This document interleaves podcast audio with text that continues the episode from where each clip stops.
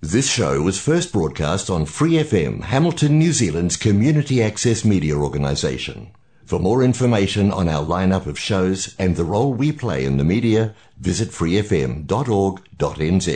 He mea hanga tēnei hōtaka e ngā pūtea tautoko o ngā reo irirangi te motu. Kia ora nau mai anō ki tēnei uh, wahanga, this podcast on Hapu Wānanga. Our episode two is going to cover the whakapapa of Hapu Wānanga, so how it began, identify what privileging mātauranga Māori looks like. So what, is, how, what are we creating when we create a manawahine space and what that might mean for whānau if they are attending great for them to understand what to expect beforehand. And we'll explore mahimuka as an example of mātauranga Māori traditional birth practice and what that looks like for whānau if they attend wānanga.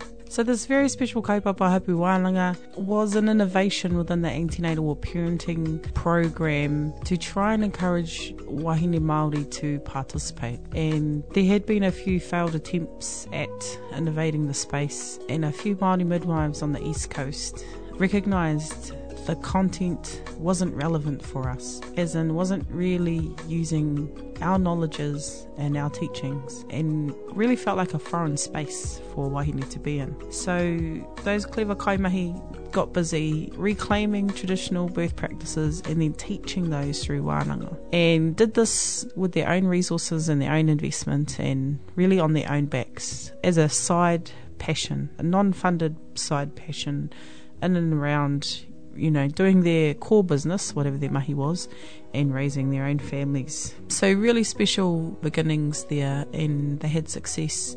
Now, here in the Waikato, we had the privilege of having quite a few Ngāti Porou Māori midwives who had come here, and many of them married, fell in love, and raised their families here, and so brought with them the taonga from the east coast or from Apanui through to Ngāti Porou Tairāwhiti that special work that was taking place, whether that was the innovating parenting education with um, SUDI or sudden unexpected death of an infant via the use of wahakura wānanga or wahakura or the creation of a, a flex bed for babies that was creating a safe space for babies to be able to sleep in. Um, so they're having this, these successes and then of course coming this way and sharing those taonga with us then we, within Waikato, those kaimahi did, started to do the same thing. They were running wānanga um, wherever possible, whenever possible, with uh, the help and collaboration of some community services that were, you know, would offer the venue or, um, you know, the kaimahi would buy food to cater the, the kaupapa, cater the work, and, and mums would come in and uh, would deliver a program, whatever an, an informally structured program that didn't have um, objectives other than to say, hey, this is special um, and we'd like to share it with you, and that was Mātauranga Māori. Um, and so they would take those that work through to their birth um, or add it to their birth plan if so so be if, if they wanted to. Kei te tikanga. So they had the if they had the desire to do that, um, they were welcome and free to do that. And then a couple of clever midwives um, wrote what we call a, a RFP. Now, a requisition for proposal, I think, is the term for that. But what it basically means is they went to the DHB and said, hey, you need to invest in this work. It's really special, but it needs investment. And that's because um, that that way a, a, team could be created to make it their core business and they're really focused on this work and and doing it well so they were successful in that proposal request for proposal and would be able to establish i think in around 2014 2015 one an antenatal curriculum and then a um, a program an antenatal program but it was kaupapa Māori and it was privileging Mātauranga Māori. And so those were the objectives. Um, they start, started with a bit of research first, rangahau, what women wanted, and then, of course, what practitioners wanted, um, and then got busy recruiting the team that would evolve into delivering the service. They had really good success, as in previously less than 1% of wahine Māori were attending antenatal education. And that, that was a, a fairly good average up and down the country. Um, and then after a few years, had really good evidence that if you if you write the right program or deliver the right service, and you have um, a core team delivering core business with really good investment, uh, then that work can be done well um, and with relative success. And so uh, they saw about a couple of hundred, close to 200 wahine Māori within that within those time frames. So um, good good evidence that the work was worth the investment.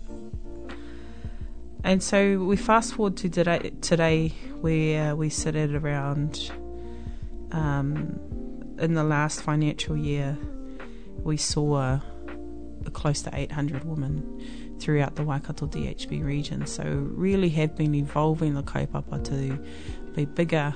And it's not just about volumes of people, but um, to spread the reach as well. So it's not just a Hamilton centric service. We go to Taumarunui, Te Kuiti, uh, Thames, Tokoroa, Te Awamutu, uh, Huntly, Ngaruawahia. So we, we are uh, making sure that um, we're reaching um, as all the corners uh, of the region, of the Tainui Waka region in collaboration with the services that exist. And I got to say, that's what I love the most is collaborating with the iwi providers uh, throughout the areas. Um, for example, uh, Maniapoto, uh, they Kokiri Trust, they they host the wānanga and we just come and deliver the content as qualified registered midwives.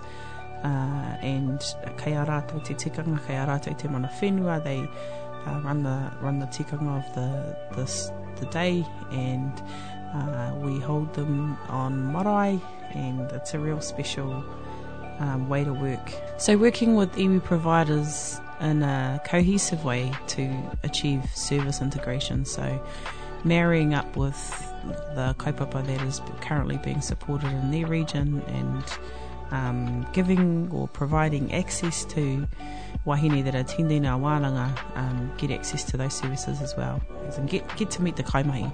So when you start to think about uh, tikanga Māori, Anime Mikaere describes our tikanga as a practical expression of our philosophies. And so some of our tikanga, for example, kanohi ki te kanohi, so meeting people face to face, um, gives not only that connection, uh, it gives integrity to the work.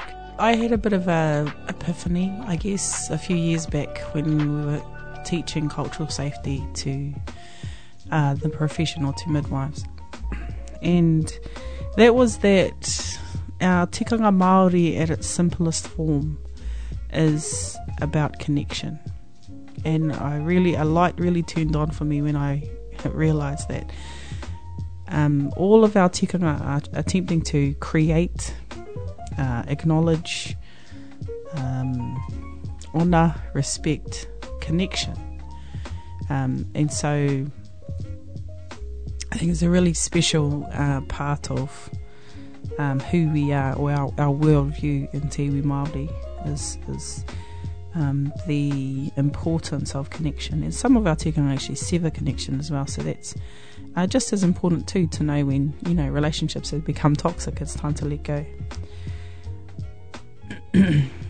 um, so I guess the relevance of that kōrero was that connections really matter. So we're going into Maniapoto, for example. We don't go in there without the support of Maniapoto and Rereahu and wherever we are. Um, and so uh, it's an honour and a privilege to do that work in that space uh, with their support. And I'm hoping that when we are there, we are evolving new kaimahi within the space that might be really interested in either parenting education or uh, midwifery in the future. And so they'll know to um, reach out, out to us as, you know, um, because we've already formed those connections. So the major difference between hapu wānanga and antenatal education, I suppose, uh, is their whakapapa. That it started in the gra- grassroots was was deeply grounded in uh, the need or desire for reclaiming traditional birth practice or mātauranga Māori and privileging mātauranga in that space, meaning, um, yes, you have your Western models of care and your um, Greek sciences or whatever, but our mātauranga is valid too. And we don't need uh, anyone to authorise or validate our our rongoa or our our mātauranga, we know that it works because we wouldn't exist as a people if we didn't have um, our experts or our tohunga, whether they be um, ruahine, uh, tāpuhi, or kaiwhakawhānau pipi. They all held uh, a body of knowledge and shared it intergenerationally. Um, so that work, of course, was interrupted. So if we look at the Western or the history or New Zealand history of Western maternity hospitals and the fact that you know we were raising our babies in Te Reo Māori. Um, breast milk was their first food, um, and they were being caught by our experts. And after lawmaking and um, the Native Health Act, which basically said anything that we decide is good for the native, the health of natives, um, we will authorise. Uh, and so the fa- whāngai became illegal. It was illegal to adopt or to breastfeed. It was illegal to home birth. Um, it was illegal to be an expert, so we had our Talking Tohunga Suppression Act, which of course would criminalise our knowledge holders. So, um, you know, in some areas they were able to continue their traditions because they were in the fringes of society, so remote, remote rural services, um, remote rural areas, for example, didn't have as much, um, I want to say, infection from these views or these these perspectives. But certainly, your more, more urbanised whānau will, will know or have experienced um, those that kōrero to be an infection on their space or their their birthing experience. So for those whānau that choose to register with Hapu Wānanga and attend this uh, course, oh, they will expect to experience mātauranga Māori with uh, within the content. So that means wherever we can incorporate our kōrero, we are. And like a really good example is probably the mahi muka. So muka became, or using muka as an umbilical cord tie um, after the birth of a baby, became really popular following the success of Hapu Wānanga.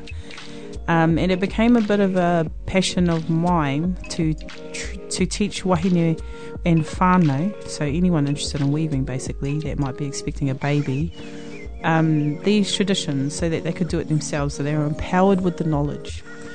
I was really, and not just me, quite a few kaimahi were really offended by the idea of selling muka. And the reason being that if you understand colonization and the way that we were disconnected from our knowledges, how are we then to turn around and charge people for access to that knowledge when when all they actually need is the knowledge? Um, and someone need to sit down um, and reclaim reclaim that mātauranga by just teaching people, and it's just a straightforward activity.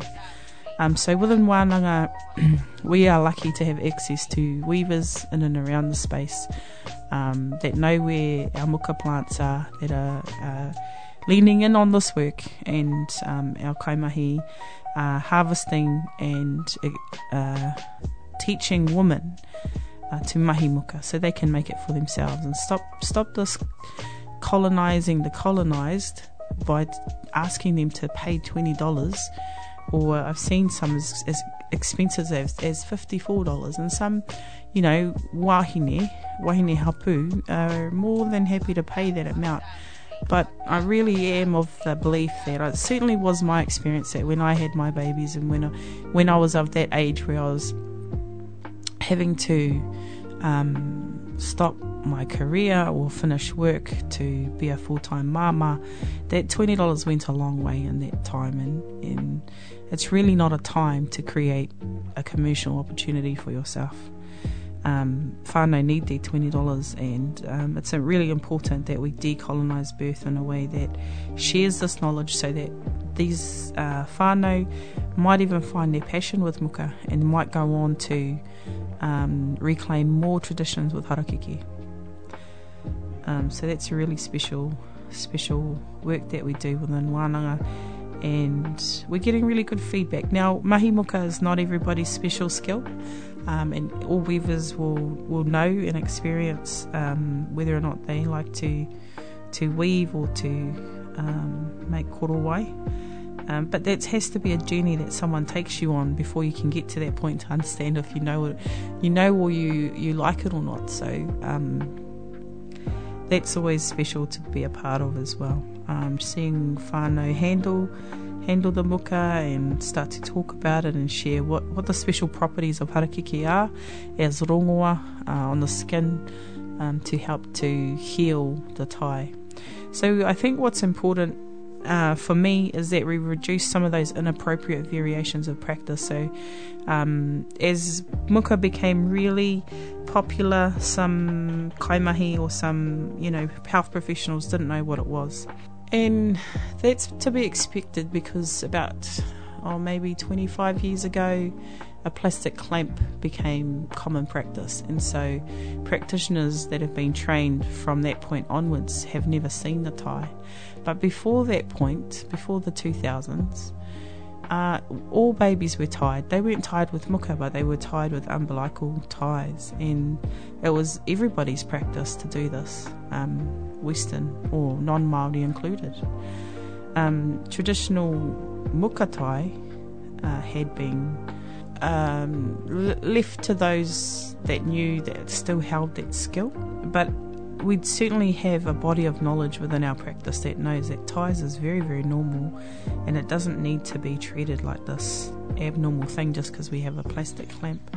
So we had to get busy retraining our professionals to understand um, the breakdown, as in when the plastic clamp came, we lost our skills as a profession. So we started running wānanga, and within within seconds, you see people's eyes light up to the value of this new renewable resource that's um, not going to be a single use piece of plastic that doesn't sit well with Papatūānuku. So the cultural reclamation of traditional birth practice, um, in our eyes, is, a, is our birthright as Māori.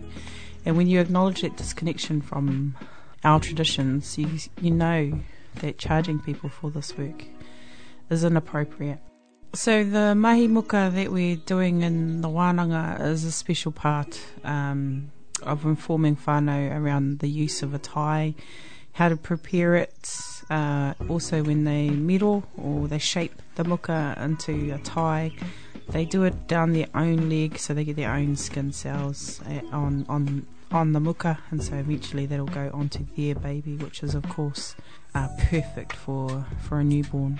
Another consideration for this work is to train our profession to be ready for mama that are wanting to use muka or traditions within the birth space. So we've been hosting uh, wānanga for kaimahi or for midwives non-Māori that need uh, to be familiar with the fibre and uh, really enjoying that work and very very quickly you see um, them turn on to the benefits, not only the rongoa but also saving a plastic clamp from a single use piece of plastic from the rubbish bin or from general waste. So most of, I think, our profession are uh, global citizens concerned with tiaki taiao or the longevity of Papatūānuku. So um, that's another aspect that's really special about tikanga Māori or traditional birth practice. So creating a mana wahine space acknowledges the the barriers that are in place for wahine as a result of colonisation with respect to being able to, being able to exercise their traditions uh, within their birth plans. So what does that mean? Mana wahine uh, as a model of care is something that we've been trying to role model as a team for other services to think about doing or thinking about working in the way that we are, and that is to privilege the wahine as prominent. So, what we know is that pre-colonisation, Wahine Māori held a prominent place in Māori society. She was the portal to the spirit world through karanga. She's a portal to new life through birth.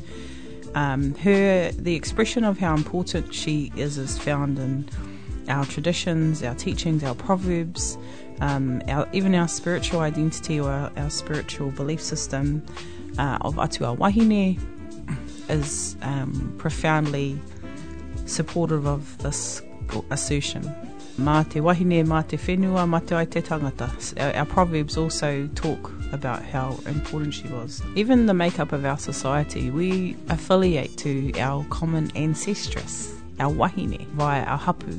So Dr. Manuka, within his rangahai or his work, really made us aware of the fact that iwi was a creation of the crown. Iwi wanted the maps to be cut up into squares or surveyed blocks of land and us to identify who belonged to that piece. And that's why, you know, our claiming of the Waitangi Tribunal and that mahi doesn't make sense because we affiliated to our hapu, our whakapapa, and they cross over. You know, as we know, our links are interconnected um, with each other. And so asking us to identify with land as an asset doesn't sit well with the worldview that actually we belong to her, not the other way around. So even our tribal identity, we identified with our hapu, our common ancestors. So over and over again, our knowledge bases tell us how important Wahine Māori were to society. She held a prominent place. So post colonisation, uh, we really got displaced from this uh, society. Uh, within Te Ao Pākehā, um, the priority was Pākehā men, after them were Pākehā women, then Māori men, then Māori women. And so we really got relegated to the margins or pushed down to the bottom of, of society with respect to our importance in society. So mana wahine, a mana wahine model of care acknowledges that shift, that shift from priority, I guess. Um, and when you think about health investment and resources, where she sat with for a long, long time, Wahine Māori had to contend with a service that wasn't created for us. And it's still reminiscent of um, those foundations today. So, acknowledging that space and creating a solution from within the services um, is to work within our mana wahine model that gives the power or identifies our relationship with power and gives that power back to women. So, for our Waiu Waikato service, which is a breastfeeding lactation service, we are able to, within a mana wahine model, allow women to access the lactation consultant without having to n- navigate a whole lot of barriers first. So, the traditional way of making contact with a lactation consultant is to first you need to identify a problem and then receive a referral and then create who once a um, contact is made with the service, a, rece- a, administrator can make an appointment, and then there's a delay in wait time because the service is, is really busy and they're hardworking, fantastic people. And then then she, by that time, usually sometimes can wake up wait up to two weeks. Um, we'll get someone um, to try and support her through whatever the problem is. Now, of course, they're triaging and trying to prioritise that early work. For the majority, um, it's inadequate and and it's a system failure. So within a mana wahine model, saying here is a lactation consultant or a breastfeeding specialist, someone that really knows the business of breastfeeding and available to you to early problem solve. So you can access her through all of these dimensions. That is an email, Facebook, Messenger, a WhatsApp. We can video call, remote, have a remote conversation really early and start to address what it is that's the priority for right now. So often with breastfeeding, you're not going to sit down and do a massive education uh, setup of everything you need to know about breastfeeding. Sometimes it's kind of like driving, you have to learn on the job. So while you're behind the wheel, yeah, you can read the learners or the um, road code, you can read it back to front. But while you're driving is really, really where you get to exercise your understanding um, of that work. And so breastfeeding is really similar. So, yep, you can do um, a lot of reading and watch videos and attend an appointment. um, but expecting her to take on everything about breastfeeding is a little bit unrealistic. And so, being able to talk to an expert one on one, frequently and often, um, is a great way to support a family uh, to, to continue breastfeeding for as often as they choose to. So, there's a little bit of contention around. Um, and I, I, want to address the conversation around feminism and mana wahine because they're not the same thing. Mana wahine identifies that that colonization space and where women were relegated to, you know, um, within contemporary times. Um, feminism is different again. Feminism is is a Western uh, approach to identifying the patriarchy and and how um, women want to sit on you know the same pay scale and the same uh, receive the same opportunities, whether that be education or governance or CEO positions. He, he kaupapa tērā. That's a different uh, discussion. And it's not to be confused with mana wahine because it doesn't say that women are better than men or that need to sit equally. Within a, a Māori worldview, we always did. There wasn't one better than the other. Um, and that includes children as well. There wasn't a hierarchy of importance or priority children, you know, within our early kōrero can be seen as holding places in, throughout society. They even were decision making. They were free and fluid to move about wherever their interests or competence took them. So the idea that one is important to the other doesn't, to my mind, it doesn't belong with mana wahine. It's more the decolonisation of us, or wahine being de-escalated to a different space. I'm not sure if I've articulated that accurately or, or very effectively, but I wanted to talk about it because I have been confronted or criticised about the idea that, you know, we can't have a, a baby without a, without a man, and I'm very conscious of that. And tāne are within a whānau paradigm, you know, we, we, we aren't an island, to borrow a phrase, a Western phrase. We don't exist in isolation. It takes a village to raise a child, and, you know, certainly uh, Māori traditions and Māori models of whānau are very, very elaborate and the hononga or the connection from one to the other was that was communal and was one of love. And so when we raise a child we all take responsibility for that child. And so, this nuclear family that is in a Western paradigm with a mum, dad, and a baby does not sit with the Māori worldview. And so, then they get confused. That's where that feminist work and the mana wahine work get confused or complicated. And that's, that's not, to my mind, the intention. So, if you are attending Wānanga and you're thinking about what does cultural reclamation of Mātauranga Māori mean, what does mana wahine mean, hopefully that discussion has uh, cleared that up for you. But it really is privileging our own traditions and celebrating them and sharing them and valuing them because if we don't start to practice, they could be at risk of being lost, just like te reo. Kōrero tia te reo, aroha tia te reo, hei pāinga mo te iwi. Aku mihi nui ki te reo irirangi te motu.